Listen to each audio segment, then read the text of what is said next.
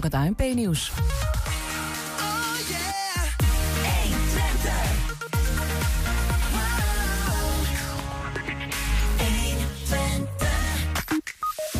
Over 15 maanden, als alles goed gaat, heeft Hengelo een nieuw marktplein. Het definitieve ontwerp is bekendgemaakt en wij waren erbij. Ja, speeddaten en speedeten tegen eenzaamheid. In Enschede gebeurt het vanavond. Twentse bierbrouwers slaan alarm. Een nieuwe wet bedreigt hun lokaal gebrouwen gerstenat. En hij stroomt en is nu ook officieel geopend. De Enschedese Stadsbeek moet de voeten in Stadsveld en Patmos droog houden. Het is donderdag 7 oktober. Dit is 120 vandaag. 120. 120 vandaag. Wat heeft Hengelo over voor een permanente expositieruimte voor beeldende kunst? En is dat genoeg? In de vorige week aangenomen cultuurnota, zeg maar waar het eh, beleid in staat en waar het geld naartoe gaat, wordt een bedrag van jaarlijks 75.000 euro genoemd. Maar dan voor zogeheten pop-up exposities. Geen vaste plek dus. De Raad heeft de nota aangenomen met als voorwaarde dat BMW met een financiële onderbouwing moet komen. Waar het moet blijken dat 75 mil, zeg maar 50.000 euro voldoende is voor een permanente kunstzaal ook. Kunstenaars Paul B. die denkt dat het eh, minimaal het dubbele nodig gaat zijn. Paul, welkom. Hallo. Um, even voordat we het over de voor's en tegens van een uh, eventuele permanente kunstzaal gaan hebben. Uh, jij hebt samen met uh, Metin Jirtici, een moeilijke naam. Jirtici. Jirtici. in september een pop-up tentoonstelling georganiseerd in het oude V&D-pand aan de Brink. Ja, klopt. hoe is dat idee zo ontstaan? Um, nou, eigenlijk hadden we helemaal niet de ambitie om een tentoonstelling te gaan organiseren. Uh, na het wegvallen van onder andere Hard Gallery in, in Hengelo uh, ongeveer twee jaar geleden, hadden wij zoiets, er is geen enkel podium meer voor, voor de beeldende kunsten en er moet gewoon wat komen. En toen hebben we contact gezocht met Kunst Non-Stop hier in Hengelo, of in Enschede, het uh, digitale platform. Eigenlijk in eerste instantie om te informeren van, bij hen van hoe hebben jullie dit opgezet. Maar al snel kwamen zij met het idee van nou, misschien kunnen we samenwerken en kunnen jullie gewoon je aansluiten. Um, daar zijn Metten en ik het afgelopen jaar mee bezig geweest om dat te onderzoeken. Uh, in, en in overleg met Enschede natuurlijk, hoe mm-hmm. en wat dan.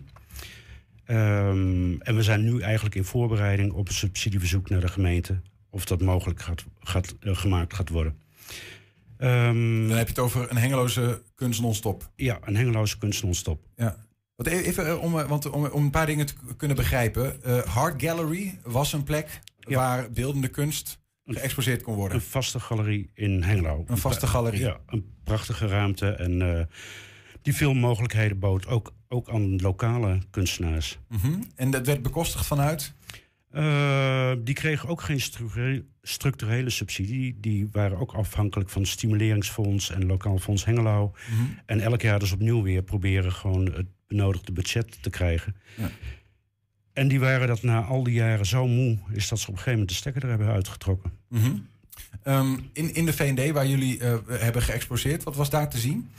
Uh, wij, wat wij hebben gedaan is een expositie georganiseerd voor alle uh, beeldend kunstenaars in Hengelo. En daar hebben er uiteindelijk 90 aan meegedaan. Succesvol? Uh, dat kun je wel stellen, ja. We hebben gewoon in, uh, in drie weken tijd, waarin het vier dagen per week open was, hebben we bijna 1200 bezoekers binnengehaald. Zo. En de voorgaande expositie, dat was uh, de, rondom Thijs Segers, heette dat. en Thijs Segers was vorig jaar de winnaar van de Hartfundprijs. die tentoonstelling heeft tien dagen gedraaid. En die had ook zo rond 1100 bezoekers. Ja. Dus je zou kunnen zeggen, er is een bepaalde mate van behoefte aan beeldende kunst in Hengelo. Als je in een paar weken tijd 2300 bezoekers in totaal krijgt, dan maakt dat wel duidelijk is dat er behoefte is, ja. ja, ja. En dat hoor je ook van de bezoekers, uh, die gewoon blij zijn dat er weer wat gebeurt op beeldend kunstgebied. En dat hebben ze echt gemist. Um, nou kom je met Kunst Non-Stop Enschede, waar jullie zeg maar naar hebben gekeken. Een digitaal kunstplatform. Wat, wat heeft dat dan precies nu te maken met uh, dit, dit, verhaal van eventuele permanente kunstruimtes? Um, wij, zijn, wij zijn met het idee begonnen van Kunst Non-Stop in Hengelo. Eigenlijk met uh, het idee dat de Hengeloze kunstenaars weer vertegenwoordigd moeten worden. In ieder geval een platform hebben. Ook al is dat digitaal. Um, en omdat wij daar zo hard mee bezig waren en dat bekend was in de Hengeloze kunstwereld werden wij op een gegeven moment gevraagd... van goh, die expositieruimte in de V&D komt leeg. Willen jullie niet wat organiseren daar? En ondanks het feit dat we maar twee maanden de tijd daarvoor hadden... hebben we uiteindelijk toch gekozen om dat te doen. Ook om zichtbaar te maken aan de, aan de gemeente... van wat er is op het gebied van beeldende kunst. Het was een uitgelezen kans om gewoon hengeloze kunstenaars uh, onder de aandacht te brengen. En aan de gemeenteraad te laten zien van... kijk eens jongen, dit, dit, is, dit is het erfgoed wat we hier in Hengelo hebben. Ja. En verkwansel dat niet. Heb, heb daar wat voor over. Komt dat dan op tijd? Want, want uh, ik bedoel, die 75.000 euro die ik benoemde, uh, waar die nu gereserveerd is voor expositieruimte. Nou ja, voor zover ik begrijp, is, die, is dat geld niet gereserveerd voor expositieruimte. Het, de enige toezegging is, die er gedaan is nu door de gemeenteraad, is dat er uh, een onderzoek gaat komen of er behoefte is aan een vaste expositieruimte. Mm -hmm. Maar wie dat onderzoek gaat doen en wie daar, wie daar uiteindelijk uh, naar gevraagd gaat worden. En wat dan de uitkomst is en hoe lang dit onderzoek gaat duren, nee. geen idee. Oké, en want stel dat de, uitkomst is, ja, er is behoefte aan, dan is 75.000 euro niet genoeg. Uh, waarschijnlijk niet. Ik, ik, ik ben natuurlijk geen galeriehouder. Ik weet niet precies wat de budgetten waren die uh, de Hard Gallery destijds uh, nodig had op jaarbasis. Hmm. Maar wat ik, wat ik zo uit kringen hoor, kom je dan inderdaad eerder bij 125, 150.000 per jaar uit.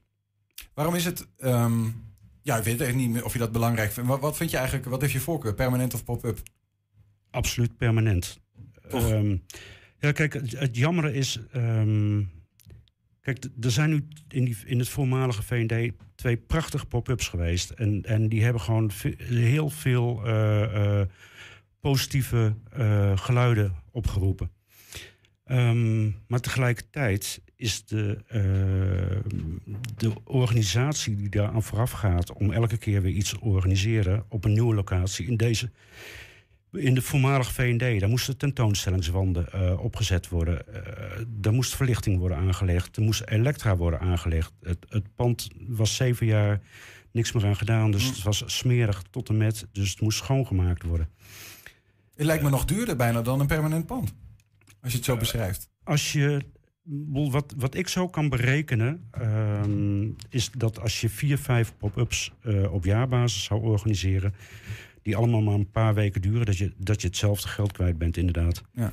Dus het is, het is even, want ik zit even te zoeken naar waarom een permanent pand dan handig is. Het kan naast de kosten technisch handig, is het ook gewoon uh, sneller, uh, sneller te regelen, zeg maar. Je hebt er minder gedoe mee telkens weer opnieuw. Uh, natuurlijk. Op, als je een vaste locatie hebt, dan, ja. dan de kunstminnaars die weten je op een gegeven moment te vinden. Je kunt een, een, een mailinglist gaan bijhouden. He, dus je, je, je kunt veel makkelijker publiciteit maken. En voor zo'n project als dit moet je gewoon vanaf de bodem beginnen met publiciteit. Dus uh, in dit geval een Instagram-kanaal op, opzetten, een Facebook-kanaal opzetten. Ja. Uh, posters, stickers, noem, maar, noem maar op. In de VND wisten al um, het getal wat je net noemde, 1200 mensen. Um, ja. Wisten jullie te vinden? Ja. hoeveel zou dat er dan zijn als, als er een permanente plek is? Dus even koffiedik kijken natuurlijk, maar is dat... Ja, geen, geen idee. Ik bedoel, um, ik, ik denk dat wij het qua publiciteit gewoon heel goed hebben gedaan. Ja. En daar hebben we ook echt bovenop gezeten. Um, ja, en hoe dat voor een vaste galerie is, dat weet ik niet. Maar goed, even, even daarbuiten, uh, pop-up of, of vast. Um, kijk, kunstenaars zijn natuurlijk gewoon e-, eigenlijk primair bezig in hun studio of atelier. En zijn niet uh, degene die die normaal een tentoonstelling gaan organiseren. Net zozeer als dat een, als een band of een muzikant. Uh, die gaat niet eerst zijn eigen poppodium bouwen. Nee, ja, dat is. En, en, en, een, ja. en een acteur die bouwt niet zijn eigen schouwburg. En een, en een auteur die bouwt niet zijn eigen bibliotheek. He, dus dat zijn. Oneerlijk. Of. Ja, nou ja. Of, of je het oneerlijk noemt of niet. Ik, ik denk dat je. Um, uh, als gemeenteraad, als je heel hard roept, is dat je van Hengelo een bruisende stad wil maken. En een stad van deze grootte, die verdient gewoon alle ruimte voor kunst en cultuur. En dat, dat is ook, een, naar mijn idee, een aspect wat uh, bewoners in die stad houdt. Hoe komt het dat, er, dat daar een onevenwicht... Het lijkt alsof dat een niet helemaal in evenwicht is. Hè? Dat metropool er is, dat de bibliotheek er is... Dat daar, en dat er geen vaste kunst, uh, geen beeldende kunstplaats is? Geen idee. Ik, ik, ik, ik weet niet wat, wat, uh, wat er de af, afgelopen decennia is gebeurd uh, tussen de kunstwereld en de gemeente.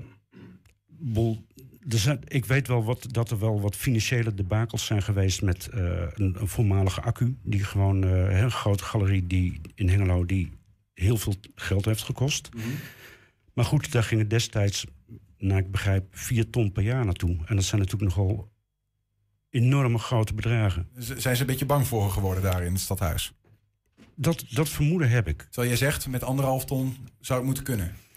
Ja, maar ik, ik denk waar het vooral mee zou moeten beginnen... is dat de gemeenteraadsleden um, zich beter zouden moeten laten voorlichten. Uh, naar kunstenaars moeten luisteren...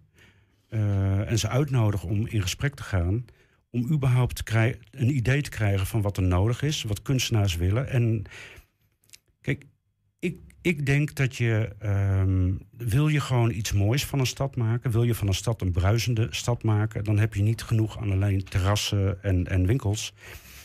Dan moet je gewoon samenwerken, gewoon om te kijken hoe je, hoe je gezamenlijk, gemeente en kunstenaars of andere cultuuronderdelen, uh, mm hoe je gewoon samen gewoon tot, tot een goede creatie van dingen kan komen.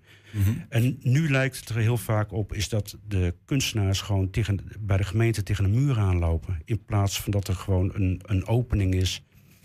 Uh, gewoon tot samenwerken. Wordt er dan te veel vanuit geld gedacht? En hoe, wat het oplevert, wat is, dat kan ik me voorstellen dat dat altijd de afweging is. Hè? Van ja, ja, we kunnen die kunstgalerieruimte kunnen we wel uh, regelen. Uh, maar dan moet wel betaald worden. En misschien komen er niet genoeg bezoekers om het te betalen. Dat ze daar bang voor zijn, dat ze dan te veel moeten bijleggen. Nou ja, dat, dat zou kunnen. Maar op het, op het moment dat je uh, naar een, een creatief centrum als OIVO... Uh, uh, honderdduizenden euro's op jaarbasis stort. Een, een, metropool krijgt een dik, dikke vette subsidie. De Schouwburg krijgt een dikke vette subsidie. En dat is gewoon elk jaar ook weer opnieuw.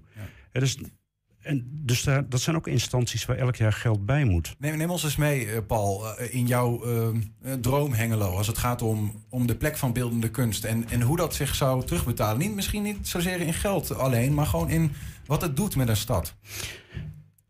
Ik, ik denk dat elke stad van, van enige omvang... en, dat, en Hengelo met een dikke 80.000 inwoners... is toch echt wel een, een stad...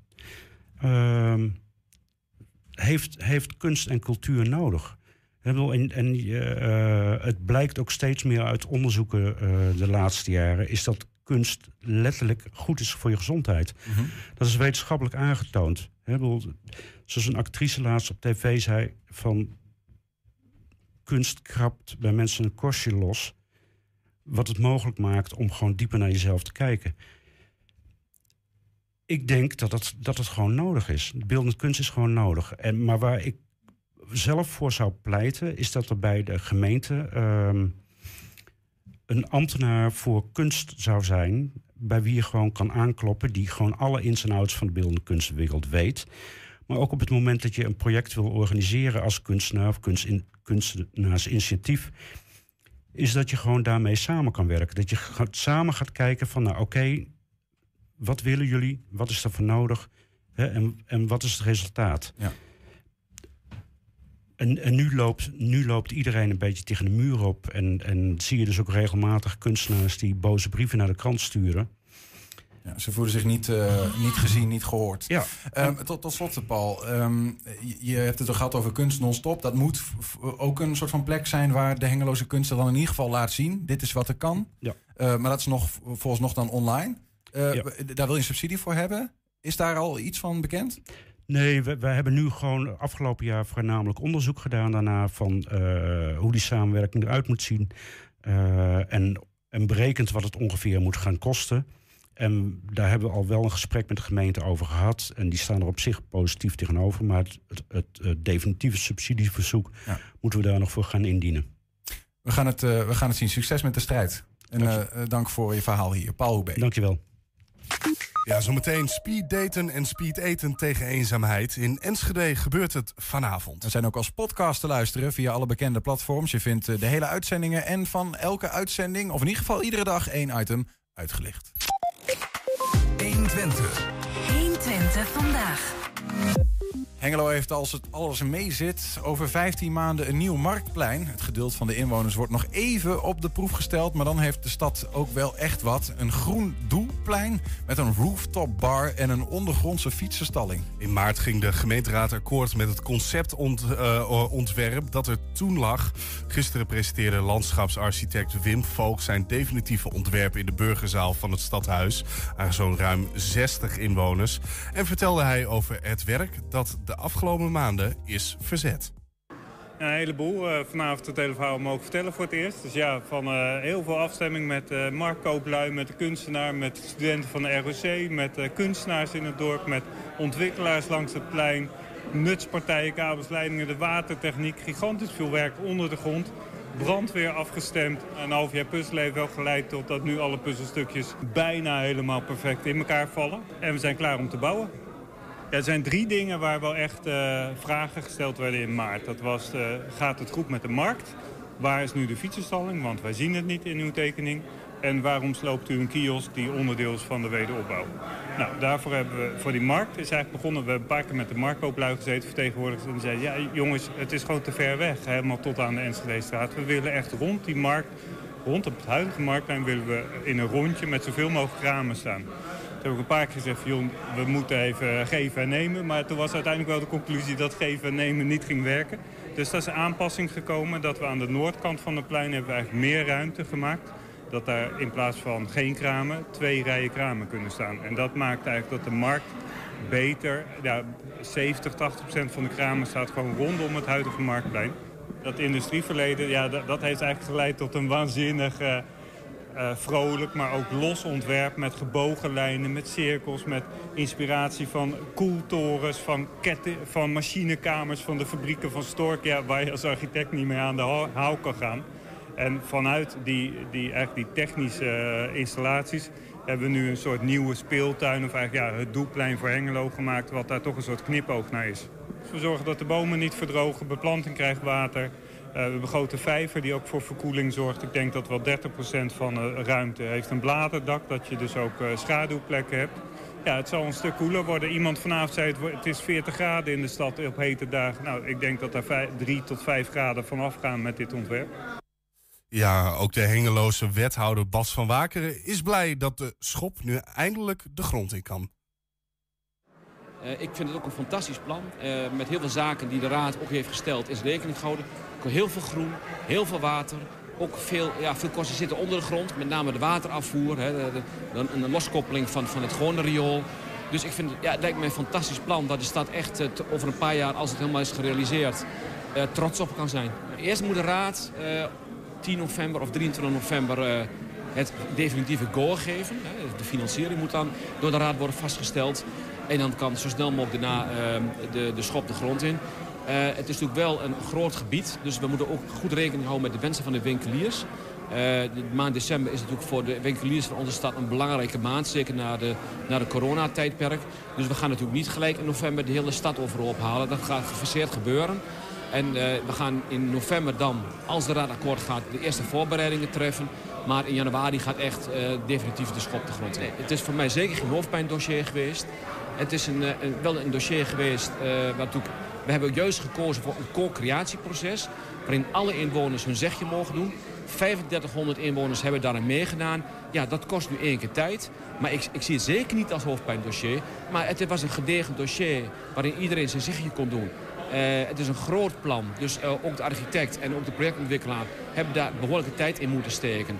Dus uh, ik ben uiteindelijk heel erg blij met het resultaat. Ik denk dat Hengelo er echt een prachtig plein voor terugkrijgt. Als alles mee zit, zeg maar voorjaar 2023... Maar goed, daar moet ook echt alles mee zitten. Dus ik denk zomer 2023 heeft Hengelo een fantastisch nieuw marktplein. 120. 120 vandaag. Stichting Aliva en Resto van Harte organiseren vanavond een speed date of een speed aid voor senioren in Enschede. Dat doen ze in het kader van de Week van de Eenzaamheid. Aan de telefoon is de organisator van de speed aid, Jan Kuiper. Goedemiddag. Goedemiddag. Speed aid uh, klinkt alsof de senioren aan de fastfood gaan uh, vanavond. Ja, nee, nee. Het is een, oh. een speed aid en uh, ik ben, werk, werk zelf bij Aliva, bij Nieuw Begin Enschede, een onderdeel werken. We hebben dit samen met Resto van Harte opgezet. En we zeiden binnen in de week van de eenzaamheid iets doen. En wat doen we dan? Zei nou, het is leuk dat uh, in deze tijd helemaal veel mensen na de coronatijd, ook wat ouderen, toch uh, ja, eenzaam kunnen zijn. En we zeggen, we gaan gewoon iets organiseren. Mm -hmm. Waardoor de mensen uh, ja, via zes gangen diner zeg maar steeds iemand anders tegenover zich krijgen en daar een praatje mee kunnen houden. En dat wordt aan elkaar gepraat door, door een ja, uh, iemand die acteur is en die ook bij ons bij een nieuw begin Enschede werkt. Dus uh, we maken er gewoon een hele leuke middag van waarbij mensen uh, ja, al, al etende kennis kunnen maken met, met nieuwe mensen. Kan ook knap lastig zijn hè, tijdens het eten met goed met elkaar. Ja, maar daarom, we doen kleine hapjes en ja, we nemen ja. de tijd. Dus het is een, een kwestie van wat eten en daarna een tijdje praten en dan gaan ze naar de volgende gang en dan schuiven ze allemaal een plaats naar rechts en dan komen we weer tegenover iemand anders zitten. Dat is ook het, natuurlijk het thema speed date, maar yes. wij hebben het veranderd in speed eat. Hey, en is en het, het, nou, is echt... het, want je noemt al even, die coronacrisis, we horen dat wel vaker. Hè? Dat, heeft, ja, dat, dat hakt erin, ook bij deze doelgroep eenzaamheid. Zien jullie dat ook echt, dat ze in de rij staan bij wijze van voor dit soort evenementen? Nou, dit, deze mensen zijn op dit moment op mijn verzoek uitgenodigd door, door Manna en door Aliva. Dat zijn twee partijen die natuurlijk heel veel senior, uh, Aliva senior werkt, die dus heel veel met, met ja, mensen, oudere mensen te maken hebben, die ook een beetje weten uh, ja, waar, welke mensen toch het meeste last hebben van ook de coronatijd, maar ja. ook eenzaamheid. En het is niet alleen eenzaamheid hoor, want er komt vanavond komen bijvoorbeeld ook twee, twee echtparen, maar die vinden het ook leuk om ja, naast hun elkaar ook eens andere mensen te ontmoeten omdat dat natuurlijk ook door corona steeds, vooral bij oudere mensen, toch steeds moeilijker is. Ja, gaan ook de, alle trossen dan echt los? Of is er bij deze doelgroep nog wel een bepaalde angst om bij elkaar te komen soms? Nou, op, de, deze mensen waren allemaal heel spontaan die zich hebben opgegeven op, op verzoek. Dus ja, ja, ja, ja, precies. Ja, we, we moeten het vanavond zien. Het is ook, kijk, Rest van Harte is natuurlijk iets wat elke week is. En waarbij we een vaste groep van ongeveer 20 mensen, zeg maar, hier een, een drie gangen diner kunnen, kunnen uh, eten. En uh, die worden ook bediend door ons. En uh, ja, van die mensen komen er ook een aantal. En ja, daar zitten ook mensen bij die, die zeggen... ja, ik vind het gewoon leuk om één keer per week gezellig met, met meerdere mensen te eten. Hoeveel heb je er vanavond in de, in de Vanavond tent? komen rond de 64. Dus het wordt een hele drukke avond. Ja, en één op één ja. gesprekken zijn dat dan in Speed 8? Eén op één gesprek tussen de mensen. En ze worden bediend door nou, drie drie medewerkers van Manna, drie medewerkers van Aliva en dan uh, twee medewerkers van Nieuw Begin Enschede, ook Aliva. En uh, dus uh, ja, we hebben genoeg mensen, ook mensen die hun, een deel van die mensen kennen, ook mensen van Aliva of Manna. Dus dat is voor hen ook weer wat bekendheid. Wordt een gezellige bende. Veel plezier vanavond. Het wordt, het wordt, ja, dankjewel. Oké, okay, we maken Kuiper. er wat van. Veel plezier, yes. Ja, oké, okay, bedankt. Ja. Straks, hij stroomt en is nu ook officieel geopend. De Enschedeze Stadsbeek moet de voeten in Stadsveld en Padmos droog houden. En heb je een tip voor de redactie? Mail dat dan naar info.120.nl 120. 120 vandaag. De accijnzen op bier van lokale brouwerijen worden verhoogd. Zo staat in een nieuw wetsvoorstel van staatssecretaris van Financiën Veilbrief. Het zal vanaf 2023 consequenties hebben voor de kleine brouwerijen. En in Twente zijn er nogal wat van. Bijvoorbeeld de brouwerij van onze volgende studiogast, Rocco Chin. Goedemiddag. Goedemiddag. Je bent eigenaar van de Stanislaus Bruskovic. Ja. Um, de Enschede, die kent dat. Hè, in de oude ministerkerk. Mooi pand. Jullie gaan last krijgen van die accijnsverhoging als die er komt. Ja, we gaan uh, behoorlijk uh, last krijgen. Um, het, het, is uh, voorgesteld als een, als een vereenvoudiging van het accijnsgebeuren.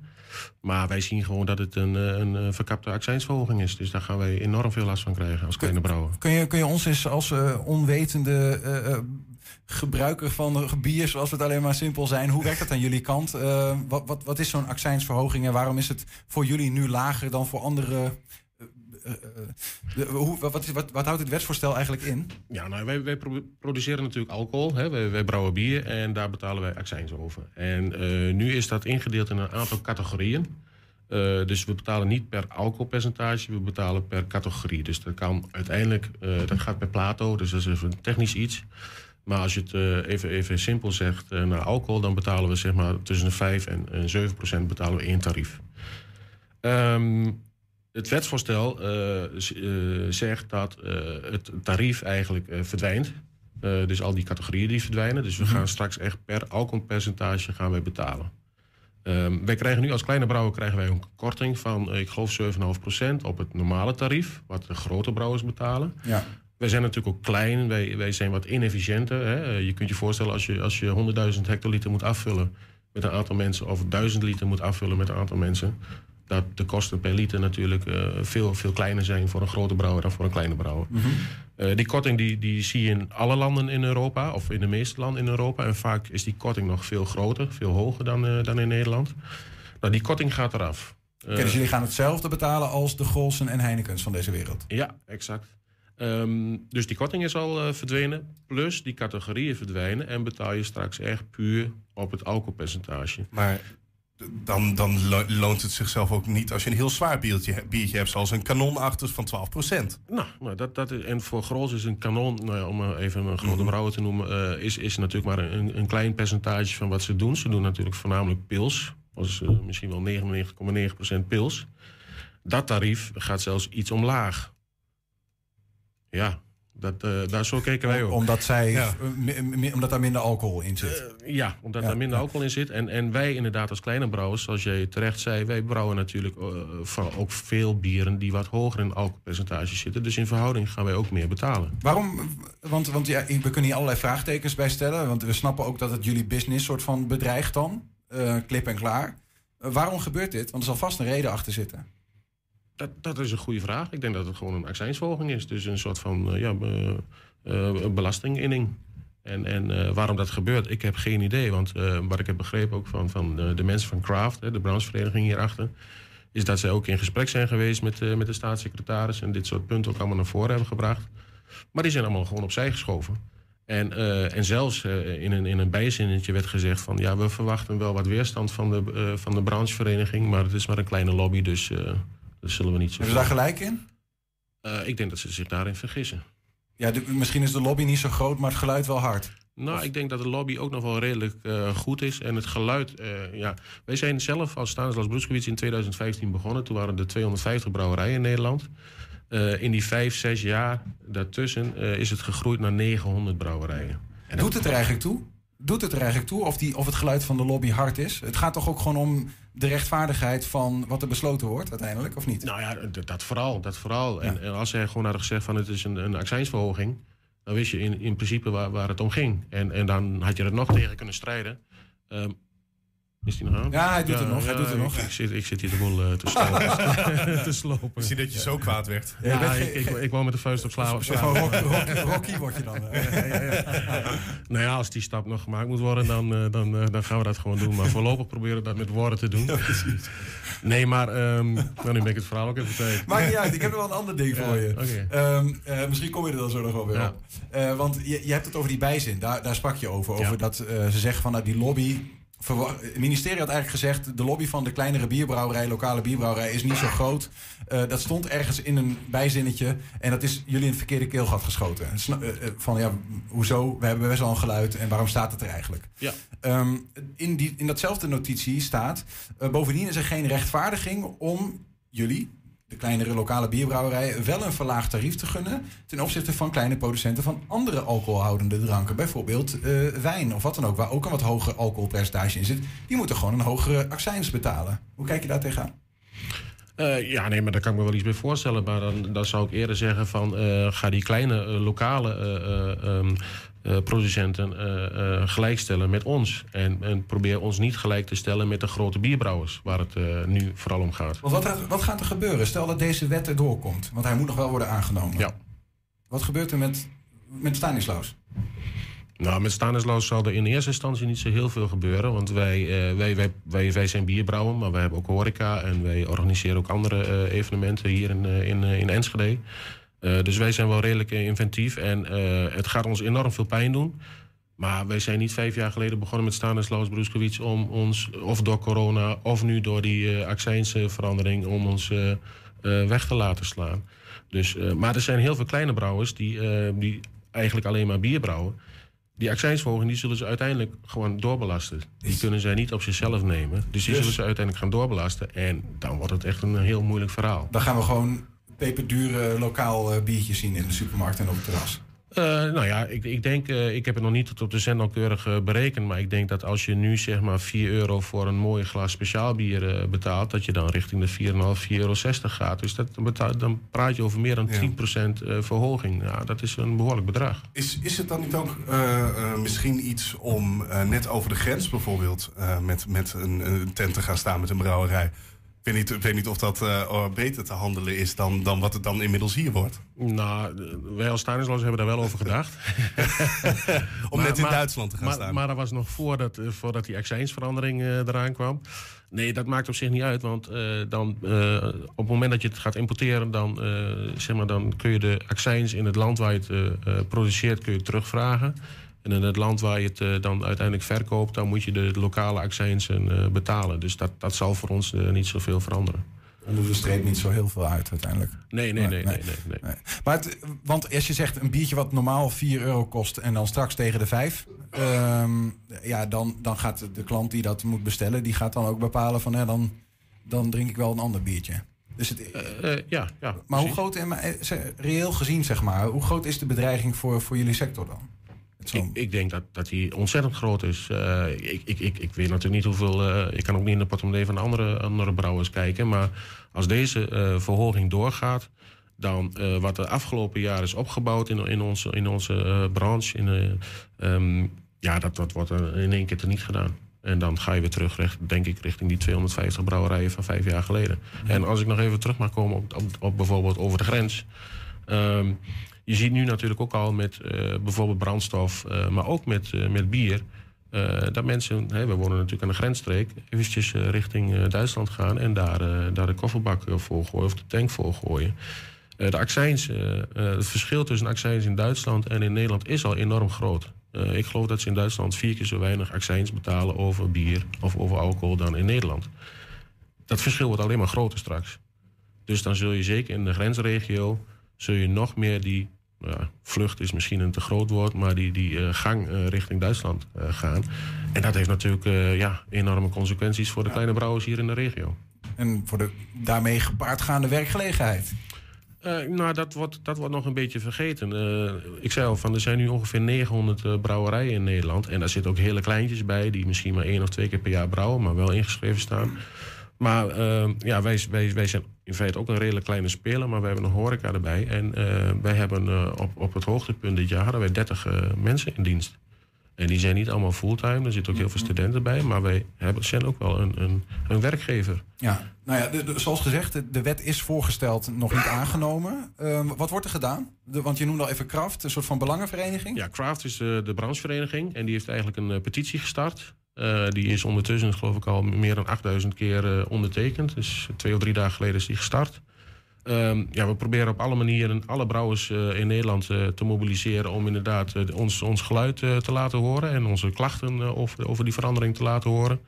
Nou, we zitten nu hier bij 1 Twente met, wat was het, anderhalf miljoen Niet te onderschatten aantal luisteraars. Ja, zeker. Dus, dus, dus dat heeft ook wel een enorme impact. En um, en uh, ja, op die manier proberen we gewoon uh, dit onder de aandacht te brengen. En proberen we de politiek uh, te sturen om weer terug te gaan naar de tekentafel. En om het weer opnieuw te gaan bekijken. Dus wil je een, een je lokale bierbrouwerij steunen of gewoon een betaalbaar speciaal biertje van de hand van Rocco of zijn collega's hebben, dan mooi even die petitie. dan is het zeker verstandig om die petitie even te ondertekenen. Ja, ga, ga even zoeken. Petitie, craft, speciaal bier. Vind je hem vast of ja, niet? ik heb hem even niet paraat. Nee. Maar uh, volgens mij als je op petities kijkt... dat is een bepaalde site waar alle petities staan... dan, uh, dan staan wij geloof ik al nummer twee. Rocco Chin, dank en uh, succes met de strijd. Jullie bedankt voor de tijd. Zometeen hier een nieuw Twents kwartierken. 120. 120 vandaag. De stadsbeek van Enschede is gisteren officieel geopend en hij stroomt. Want dat was eh, er nog aan, wat er nog aan mankeerde. Zo hé. Eh, de innovatieve beek die van Elveringsweg richting Rembrandtslaan en het Brugget werd geleid... en de wijken Stadsveld en Patmos droog houdt... kabbelde nog niet echt van harte. Maar nu de beek is aangesloten op de Eendevijver in Patmos... wordt de beek gevoed met zo'n 10 kuub water per uur. We zijn hier vandaag om de Stadsbeek te openen. En het is eigenlijk wel iets om heel erg trots op te zijn. Eh, we zijn hier natuurlijk niet aan de gang gegaan omdat we een beek wilden maken om een beek te maken. We zijn hier aan de slag gegaan omdat er gewoon hele grote problemen waren. Een beek is toch maar een beek, dat klopt. Eh, zo lijkt het inderdaad. Hè? Maar deze beek is een eh, aanpak voor een groot waterprobleem. Er was hier veel hemelwateroverlast, grondwateroverlast. Maar dat niet alleen. We hebben ook de wijk een stuk leefbaarder gemaakt. We hebben de biodiversiteit vergroot. Eh, nou, dat is eigenlijk dat er veel meer eh, vogels en insecten voorkomen. Doordat er eh, plantjes groeien langs de oevers van de beek, doordat de bomen zijn aangeplant, wordt het gewoon een prettige plek ook voor eh, insecten en voor vogels om hier te zijn. En daarmee herstellen we eigenlijk gewoon weer een beetje het natuurlijk evenwicht. Dus wat dat betreft gaan we bij deze de kraan heel langzaam opendraaien. Zei je, hè? Langzaam, hè? Kom op. Mooi vissen, dan gaat de druk er vanaf.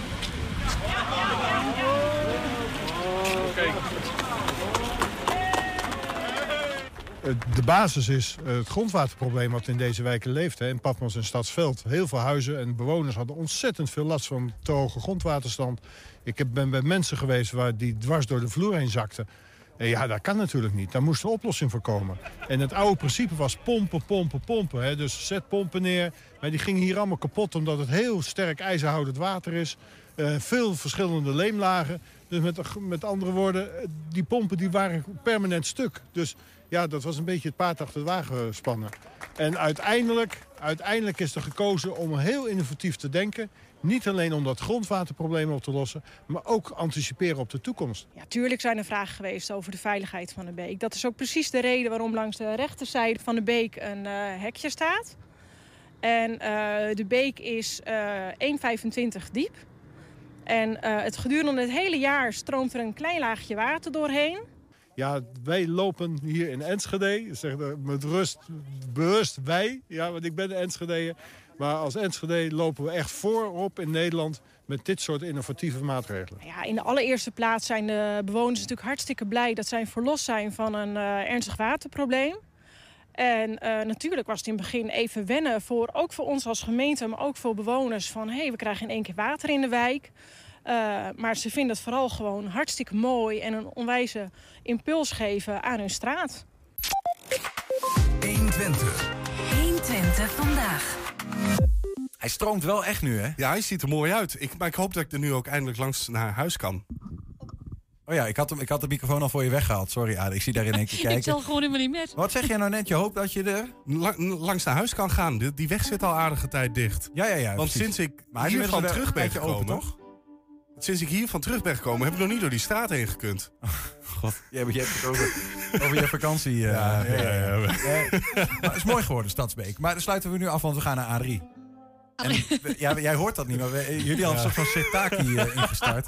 Maar we gaan het niet over iets Grieks hebben, we gaan het hebben over Niet Griechische wijn, niet? het Twents. Twents, ja. Nou, Ah, dat is ook een ontzettend eh, exotische taal. Ja, wat dat betreft is het soms wel voor, ja. Ehm, we gaan even terugblikken. Vorige weken. Ja, vorige week. Wat hebben we dan? Wat heb je dan? Ja, nou, de, Ja, ik niks. Nee, ik, eh, ik, maar eh, maar Henk Ketting, hoe heeft hij het gedaan? En Ketting dit heel goed. Ja, echt. Ik kan Henk- niet klagen. Eh, Henk ja, Ketting- vind, een zeeuw kun je eigenlijk kun je ook niks van verwachten, hè? Henk Ketting is een soort maanweefsel. Want hij is een zeeuw en die woont nu in, in, het, in Twente. Gemengd weefsel. Oh, ben je ook aardig, Niels. Lien. Ja? Lien. Ja. Klas? Klas, ja. Mooi. Lien. Van Lien, ja. Ann Klutten. Aan Klutten. Ja, dat was oplopen van voorraad en eh, dat soort dingen. Niet aankloot. Ja, dat kan ook wel oplopen, maar En, ik en weet niet precies. Ja, Humkes van Humkessoep, dat kennen jullie toch waar? Een soort Twentse variant op de bonensoep. Ja, Is dat een soort humusachtig, ook met stukjes ik, erin? ik, had ervan gehoord, maar ik heb nu ook gehoord waar de, waar de klepel hangt, zeg maar. Dat wist ik nog niet. ik heb word trouwens heel zenuwachtig van dit achtergrondmuziek. Ja, en ik heb het een gevoel dat ik dan de hele tijd zeg maar Ja, dat het steeds sneller gaat. Nee, want we gaan naar in depot. Oh, dat kan ik ook Dus doen. eh, Oh, zometeen eh, gaan we weer naar een nieuwe quiz. Ja, en is eh, goed. nou, natuurlijk weer ingeleid door Ernst en Edwin. Ze zijn in de museumfabriek. Ik ben ontzettend benieuwd. Het gaat dit keer over de kop van Jacquard. Edwin, we waren hier vorige week ook al. Ja. Eh, maar ik, dit is zo'n bijzonder apparaat ook. En dat staat hierbij. Ik, ik, ik, ik wil wat. eh, moeten we een apart. Volgens mij is dat een apart verhaal. Ja. Wat is dit voor een ding? Di- dit, eh dat staat normaal gesproken bovenop een weefgetouw. En Ja. dit is een Jacquard-kop. Jacquard die wordt gezien als de uitvinder van het, het, ja, eigenlijk het, het automatisch aangedreven weefgetouw. Oké, dus hij was een uitvinder. Wanneer hebben we het, waar hebben we het over? Eh, 1805, zo rond die koers. Tijd van Napoleon, Parijs. Omgeving in Oh, Parijs. eh, Oké, in Ja. Parijs. Hij was Jacquard, een Fransman. Oké. Ja. En eh, eh, hij, hij, had, eh, eh, hij kende de theorie van Leibniz. Eh, Leibniz was een Duitse filosoof. Ja. En eh, eh, eh, hij, hij was op de hoogte van dat er een ponskaart was uitgevonden. Dus Ja. iemand had, ik ken ook Leibniz, en die had de ponskaart uitgevonden. Dus dat je, want Leibniz was van je kan alle informatie opslaan op nullen of op enen. Dus dus, dus dus- ja, dus ja. alle letters, alles, alles wat je wil, je kan alle informatie opslaan op nullen of op enen. En je moet dit dus zien als een 0 of een 1. Ja. En het is best bijzonder, want ehm, eh, dit principe van die, die. Eh, dat is eigenlijk de eerste praktische toepassing van digitale techniek. Dat is me toen natuurlijk nog niet. Maar je moet je- terugkijkend. Maar je- maar je- En waarom, waarom is dat? Help me eens even, want ik, ik, ik, zie, hier, ik zie weinig digitaals in dit hele verhaal. Ja, ja. Nou, maar dat is waarschijnlijk omdat ik geen verstand heb van. Ja. eh, Nou, je moet je voorstellen, eh, rond eh, 1750 of zo had, leefde Leibniz, zo'n zo'n zo'n Duitse filosoof. En die verzon alle informatie kan je opslaan in nullen en enen. Nou, dat is een soort, was een theorie. Hè? Dus dat was iemand anders die had een ponskaart, ponskaart uitgevonden. ja. Eh, Dat is maar- eigenlijk een fysieke vertaling van nulletjes en Ja, ja, je- je- je- Namelijk, je hebt een gat of je hebt geen gat. Precies. Aan of uit. Ja, ja, aan of uit. Dicht of open. Ja, ja, en dit is eigenlijk Right. een patroon. Dit is een, eh, geen gat is een, is, is een, is een 0 en wel een gat is een 1. Precies. Zo moet je het zien. Ja. Dus dit is een, een machine-instructie, een computerinstructie Ja. is dit. Ja. Vroeger En werden computers ook aangestuurd met. Ja. Die zeggen dat net zo. uit. Ja, dat kan ik me nog herinneren. Of met cassettebandjes, maar dus met ze, kregen, ze kregen een taak om te doen en die taak stond op die ponskaart. En Dus dat was het- aan of uit, dat was de instructie. Dus- En dit is, ja, ik snap hem. En of het dan, of de informatie wordt doorgegeven door elektronendraadjes of door een mechanisch systeem, touwtjes, dat, maakt eigenlijk niet uit. En, het, Nee. en dus die ponskaart bestond en die Jacquard die verzon dus... ik, ik, ik, wil geen geschiedvervalsing doen, hè? Maar eh, eh, het, het pyramid, eh, Ja. dat is hetzelfde. Hè? Dat is ook met ponskaarten. Ja, Die, maar ze, eh, dat is dus jonger dan is- dit. Dat is jonger dan dit. Ja, ah, ja. Jammer, jammer. Ik had gehoopt dat ik een. Ja, ja. een Nee, want zou die heeft van Napoleon een medaille gekregen voor deze uitvinding. Ja, ja, ja. dus, en dat bespaart natuurlijk een boel werk. Hè, want voor die tijd bestond dit weefgetouw ook. Hè, met, met dat je patronen kon weven, met die touwtjes omhoog of omlaag.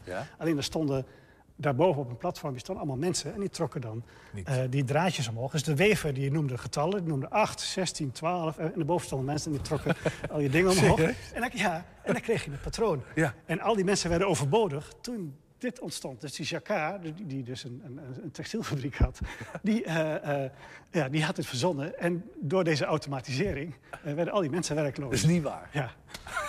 en die werden dus, waren dus ook zo boos. Die hebben de fabriek kort en klein geslagen. Oké, dat, was de eerste, dat waren de eerste slachtoffers van de digitale revolutie. Ja, precies. Niet waar. Ja. En dan hebben we het over? Nou, dan heb je het over 1805, 1806, precies, in Frankrijk. 1807. In Frankrijk. Dat is dus de traditie van het Franse staken natuurlijk vandaag. Ja, vast. Wat een mooi verhaal zeg. Ja, ja, ja. Nou, en, de- en dan heb je dit dus, dus die techniek die zet zich verder wel door, door heel Europa. Ja. Nou, en die, die komt dus ook in Enschede. En Enschede is dan de textielstad van Europa. Hè. Na, na Manchester eigenlijk heb je dan, dan Enschede. En dan worden dit soort weefgetouwen worden hier gemaakt. Nou, dit heet dan een, een, een, Jacquard-kop. Eh, maar bij het museum zelf eh, Ja. heb je een gangetje. Ja, Als je tussen, naar het museum tussen, toe loopt, tussen het Roosendaal ja, dan en, zie je een eh, soort mozaïek. Ja, En als je daar zo langs loopt, dan, dan je oog die kan eigenlijk niks waarnemen, want die ziet één wirwar van tegeltjes. Ja. Maar als jij door een lensje gaat kijken, Dus, dus, eh, maar het helpt al als je bijvoorbeeld zo je, je, je ogen inkadert. Ja, of je ogen dichtknijpt, kan Of ik me- dichtknijpt, Ja. of je maakt een kadertje, of je Ja. kijkt door een fototoestel. Dan zie je ineens een portret. En dat is eh, ook een, een Jacquard-kop. Maar dan eh, het portret van meneer Jacquard zie je. Dat is, dat is de kop van Jacquard. Ja, ja, van de vent die dit het heeft is, een, het is een eerbetoon, eh, heeft de architect destijds gemaakt aan Jacquard, uitvinder van het Jacquard-weefgetouw. Dus eigenlijk het eerste, de eerste digitale toepassing, maar dan mechanisch, ter wereld. Ja. Heel, be- als je alle boeken gaat kijken over computers, over de ontwikkeling van computers, nou, dan heb je wat uit de Griekse tijd, hè, daar hebben ze ook wat rekenmachientjes gemaakt. Maar de Jacquard staat er altijd bij als eerste eh, toepassing van digitale techniek in, eh, in de wereld. En daar staan wij nu zomaar bij. Ja. En hij is geschonken aan koningin Wilhelmina, maar die heeft hem weer teruggegeven. Ja. Dat vind ik een beetje ondankbaar. Ja, nou ja, ik kan me ook voorstellen. Ik denk dat wij er meer leuke dingen mee kunnen doen. Ja, dat is, och, dat is ook wel. Ja. Mooi, Edwin, dank je.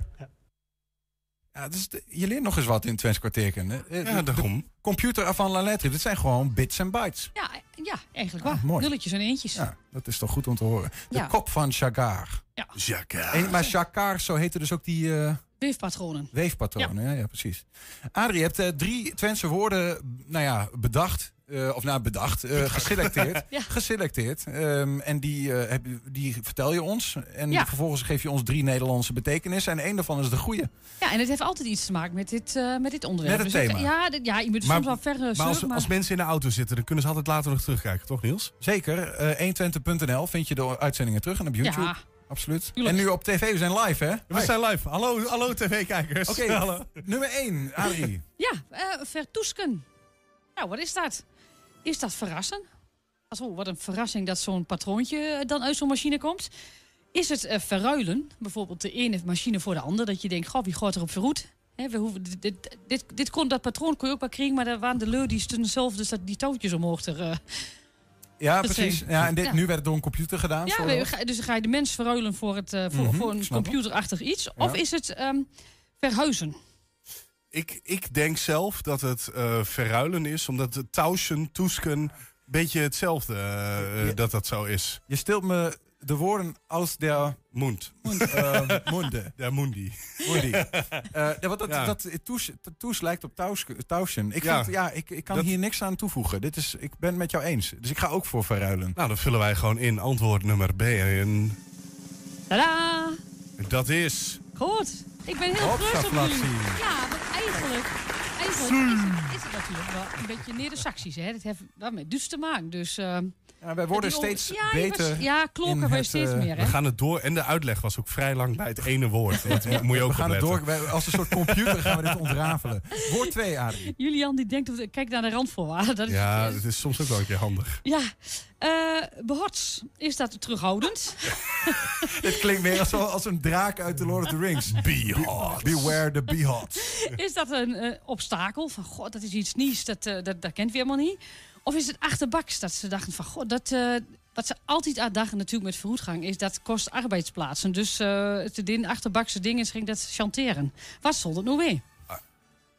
Ja, jij mag dit keer Ja, ik, ik ga, ik ga uh, behots klinkt, behots klinkt voor mij een beetje als eh, behoudend. Een beetje, mwah, een beetje dus t- daarin zit het terughoudend voor mij. Ah, ga, dat is mijn. Ik, ik zou dat ook Gevul. kiezen. Want ik, als ik het in een woord zeg van... I bent behots. Ja, dan gaat obstakel al weg. En achterbaks, dat, dat vind, ik ook, vind ik ook niet zo lekker klinken. Mhm. Dus dan zou ik ook terughoudend zeggen. behots. Ja, Ja, ik, ga, ik ga helaas met je mee. Ik- Misschien doe ik daar een beetje terughoudend over. Adrie, komt u maar. Da-da-da-da-da. Ja? Ja, Gewoon twee uit hartstikke twee. goed, ja. Maar we hebben hem nog niet eens ingevuld. man. oh. Hele spelelement weg. Godsamme kraken. Ja, ik sta graag op het slagveld en dan ziet iedereen op een kampement. Dus eh woord, woord drie. wordt drie, dat doe iets langzamer. Goh, eh, wissen. Wissen. Wissen. Ja. Is dat wisselen? Van Ehm, een patroontje bijvoorbeeld? Is dat uitwrijven van, van uitwissen? Of is dat zeker? Oei. Ik, ik heb echt geen idee. Ik vind, ik, ik zou alleen maar zeg maar eh, wissen. eh, wisselen vind ik dan eh, ja, een beetje te makkelijk. Of te, en uitwrijven ook. Hè, wissen. Ja. Gewoon letterlijk wissen zonder. En dus ja, dat, dan kom ik bij C. Maar dat is niet omdat ik nou zo logisch vind dat wissen zeker is. Nou ja. Ehm, ja, wissen, wissen ik, je weet het. Wissen. En het is wel in het Duits eh, iets weten, toch? Ja, dat is ook wel zo. Maar het gaat Weizen. natuurlijk ook... eh, het gaat niet over. Nee. Net wel, nu niet. Maar misschien wisselen. Van, dat, er- dat er wat gewisseld werd ja, in, in dat apparaat. Ja. Van Jacques. Ah. Dus jij gaat voor A. Dus ik ga voor antwoord A. Vul ik antwoord A in. En dan mag jij antwoord C invullen. En we gaan met antwoord C. Dus we vullen in antwoord nummer C. Is wissen zeker? A3. Vertel het eens. Nou, Niels, ik vind het echt fantastisch deze week. 100% scoren. Wissen, wissen hoor. Wis, wis en waarachtig. Wis, ja, wis, ja. Wis en waarachtig, natuurlijk ja. Ah. Maar Du- Wissen woord, poeh, weten ja. in het Duits, wissen. Wis, ja, dat is wist meer. Ja. Hopsakee. Ja. Drie punten jongen, uit jongen. drie woorden. Maar, Julian. We hebben altijd nog een woord van de week. En eh, die komt dit, deze week van Jessie. Ja, daar moeten we wel iets in staan. Eh, Hier, kump aan. Jessie. Een nieuwe trendwoord van de week, Tuutke. Dan kunnen we kiezen tussen drie verschillende opties. A. Gezichtje. B. Papieren zakje. Of C. Toeter. Ik ben heel benieuwd wat men denkt. Eh, gezichtje. En waarom denk je dat? Weet ik niet. dat was de eerste. Ik denk een papieren zakje. En wat denkt u? Ja, dat denk ik ook. Ja, nou, we hebben in België gewoond. En eh, daar gebruiken ze ook tu- ehm, tuut, tuutje of zo voor zakje. Eh, gezicht. Gezichtje. Tuutke. Gezichtje, papieren zakje of toeter? B. Wat denkt u dat het betekent? zakje. Je bent heel snel. Ja, ja, ja. ja. Toezertje. En waarom denkt u dat? Geen idee. Ik heb hier een Twents woord. Tuutke, wat betekent dat volgens u? A. Ja, natuurlijk Gezichtje. is een, is een, eh, is een eh, zak, maar een papieren zakje is, weet ik niet. Maar dit is een zak. Ik zeg B. Toch wel B? Ja. Toeter. I have no idea. Sorry. Wat denkt u dat het eh Twentse woord Tuutke betekent? Papieren zakje. Tuutke. Tuutke inderdaad. Bent u Twents? Ja, ik ben lid van de kring van de Twentse Spraak, dus ik moet maar kunnen. Nou, dan mag u voor mij zeggen wat het goede antwoord is. A. Gezichtje. B. Papieren zakje. Of C. B. Toeter. B. En waarom? Ja. Een, een zak is een toeten. En tuutke is een klein zakje. Papieren zakje? En waarom denkt u dat? Dat, een, een toeten, zeggen ze in, in, eh, in het Twents. Een je dat is een zakje. Hoe weet je dat? Of waarom denk je dat? Nou, dat weet ik gewoon. Omdat een tuutke een zakje is. A. Gezichtje. B. Papieren zakje. Of C. Toeter. Nou, ik zat meer aan mond te denken eigenlijk. Dus of, ja, toeter dan. Je mond is ook een toeter. Dit Twentse woord, Tuutke, wat betekent dat? Gezichtje. Wat zei je? Gezichtje. En waarom denken jullie dat? Omdat zij het zegt, ik kan geen Twents. Ben je Twents? Ja. Dit kun papieren zakje, toch? Dat, dat blijkbaar ben je er heel van overtuigd. Ja, ja, ja. Ben je Twents? Eh, ja, ik kom, wel, ik kom hier vandaan, ja. Nou ja, zoals jullie net hebben gezien, eh, wordt er veel voor B gekozen, papieren zakje. Maar of dat juist is, ja, dat weet ik niet. Ja, het is niet zo heel moeilijk deze. Ik heb wel, zeg maar, ik was eerst op een verkeerd been bij deze. En dat Ja? komt eh, als volgt. Ik mag het misschien in kwartier niet noemen. Maar mijn moeder heeft, eh, is van Friese afkomst. Die spreekt gewoon Oh, vloeiend. Fries.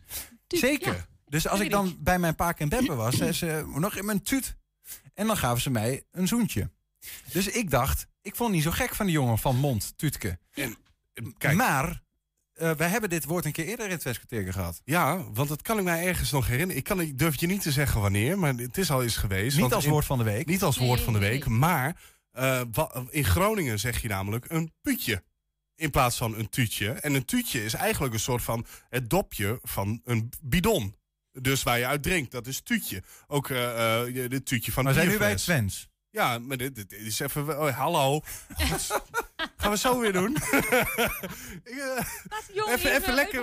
Nee, de Saxe is alles, hè? Is Friesland, eh, Drenthe, eh, Groningen en... Eh, Friesland. Ja, maakt allemaal niet uit. Het was vroeger allemaal Fries, ja. Dus, eh, maar eh, het is in ieder geval papieren zakje.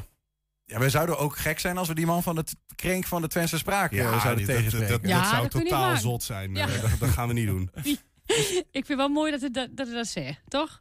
Ja, vind ik ook. Ja. Prachtig. Dat we die proberen jullie gewoon wat bij te brengen. Ja, hartstikke eh, goed, Julian. Dat mag. Tuutje is, is zo'n ding van een bidon. Hallo. Ja, een een puutje, puutje- een puutje is een tasje.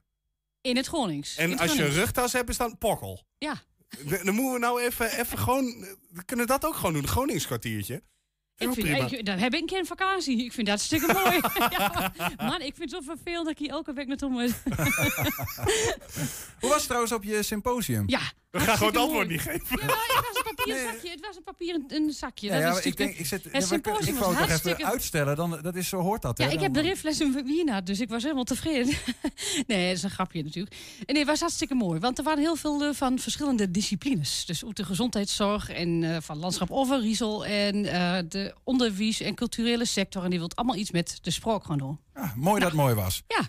B, papieren zakje, is dus het... Ja, dat is, dat is het goede antwoord. Tutke, papieren zakje. Jawel. Ah, mooi, Julian. Ja, het is toch weer goed voor elkaar gekregen. Oh, goh, ik, wij- wij onthullen het nu al. Ja. Terwijl Jessie heeft ook nog een onthulling. Oeh. Nou, fijn dat jullie zo goed hebben overlegd, eh, mannen.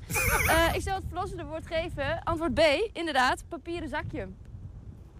Ja, dankjewel We hebben dat echt goed overlegd. Ja, dit, is, eh, we- hier moeten we nog even op oefenen.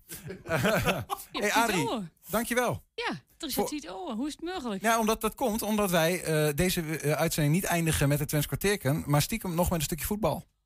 Want eh FC Twente heeft vanmiddag een oefenwedstrijd gespeeld tegen het Belgische Cercle Brugge. En in de Goalsvesten werd dat gedaan. En die wedstrijd werd met 0-1 verloren van de bezoekers. We hebben daar een stukje video van. Dit is eh, de goal die werd gemaakt na ongeveer een uur spelen. Hier wordt die bal teruggelegd. En in de barrage eindigt dat met een goal. We horen Ron Jans over de wedstrijd. Verdiende uitslag wat jou betreft? Terechte ja, uitslag ik, moet ik zeggen. Ik, ik, ik vond uh, Cercle meer recht eh, hebben op eh, de overwinning dan, dan wij. Dus terecht een nederlaag. Ja. Ehm, waarin vond jij hen sterker, beter? Ja, ik heb het meeste gekeken naar FC Twente. maar als je kijkt naar de grimmigheid en de, de duels en, en, en, en ja, zij, zij, zij hadden meer gewoon die passie om deze wedstrijd te spelen dan, uh, dan wij. Um, dus, dus daar hebben ze misschien ook wel op, uh, op gewonnen. En, en uh, de goal valt ook. En er kwam iemand in van twee meter of zo. En uh, ja, daar, daar zagen we wel dat we daar ook wat problemen hadden in de lucht. Um, Ah, in de eerste helft komen we al een paar keer goed weg, want dan raken ze twee keer de lat. En we, we, hebben daar, vooral voetballend, ben ik enorm ja, ontevreden over wat wij vandaag op de mat hebben gelegd. Zag je daarin aan jullie kant, want je hebt natuurlijk hè, op een gegeven moment komen wat wissels in, nog een verschil in jullie spel komen naarmate de wedstrijd vorderde? Ja, de tweede helft in ieder geval, uh, want ze hebben de eerste helft echt vier goede kansen gehad. En de tweede helft eigenlijk alleen de goal die dan valt uit een ja, halve corner zo'n beetje. Uh, en, en ja, uh, verder niet. Dus ik, ik, ik zag wel iets verbetering, maar eh, veel te weinig. Okay. Kijk, eh, je hoopt dat een aantal jongens... ehm, ja, er, er, wordt gewoon goed getraind. ik ben over de houding van, van de jongens tevreden. En, en dan hoop je dat een aantal nou ja, op de deur kloppen. solliciteren van, ik ben er, ik wil graag spelen. En, ja, dat, dat is, vandaag is dat er niet uitgekomen. En dan als het team niet draait, is dat als individu denk ik ook heel moeilijk om er bovenuit te springen. Maar uh, nou, de sollicitatiegesprekken waren vandaag niet positief. Ja, en hiermee sluiten we 120 vandaag af. Terugkijken, dat kan direct op 120.nl. En vanavond vanaf 6 uur, 8 uur, 10 uur. En nog later op televisie terug te, zijn, te zien in de herhaling. Zometeen zie je hier in ieder geval deel 2 van de kettingreactie. Tot morgen. Elke week de beste muziek op jouw radio. This is Feel Good Radio. Met Henk Ketting. De kettingreactie. De kettingreactie. Kijk, Henkie, dit is Henk Ketting.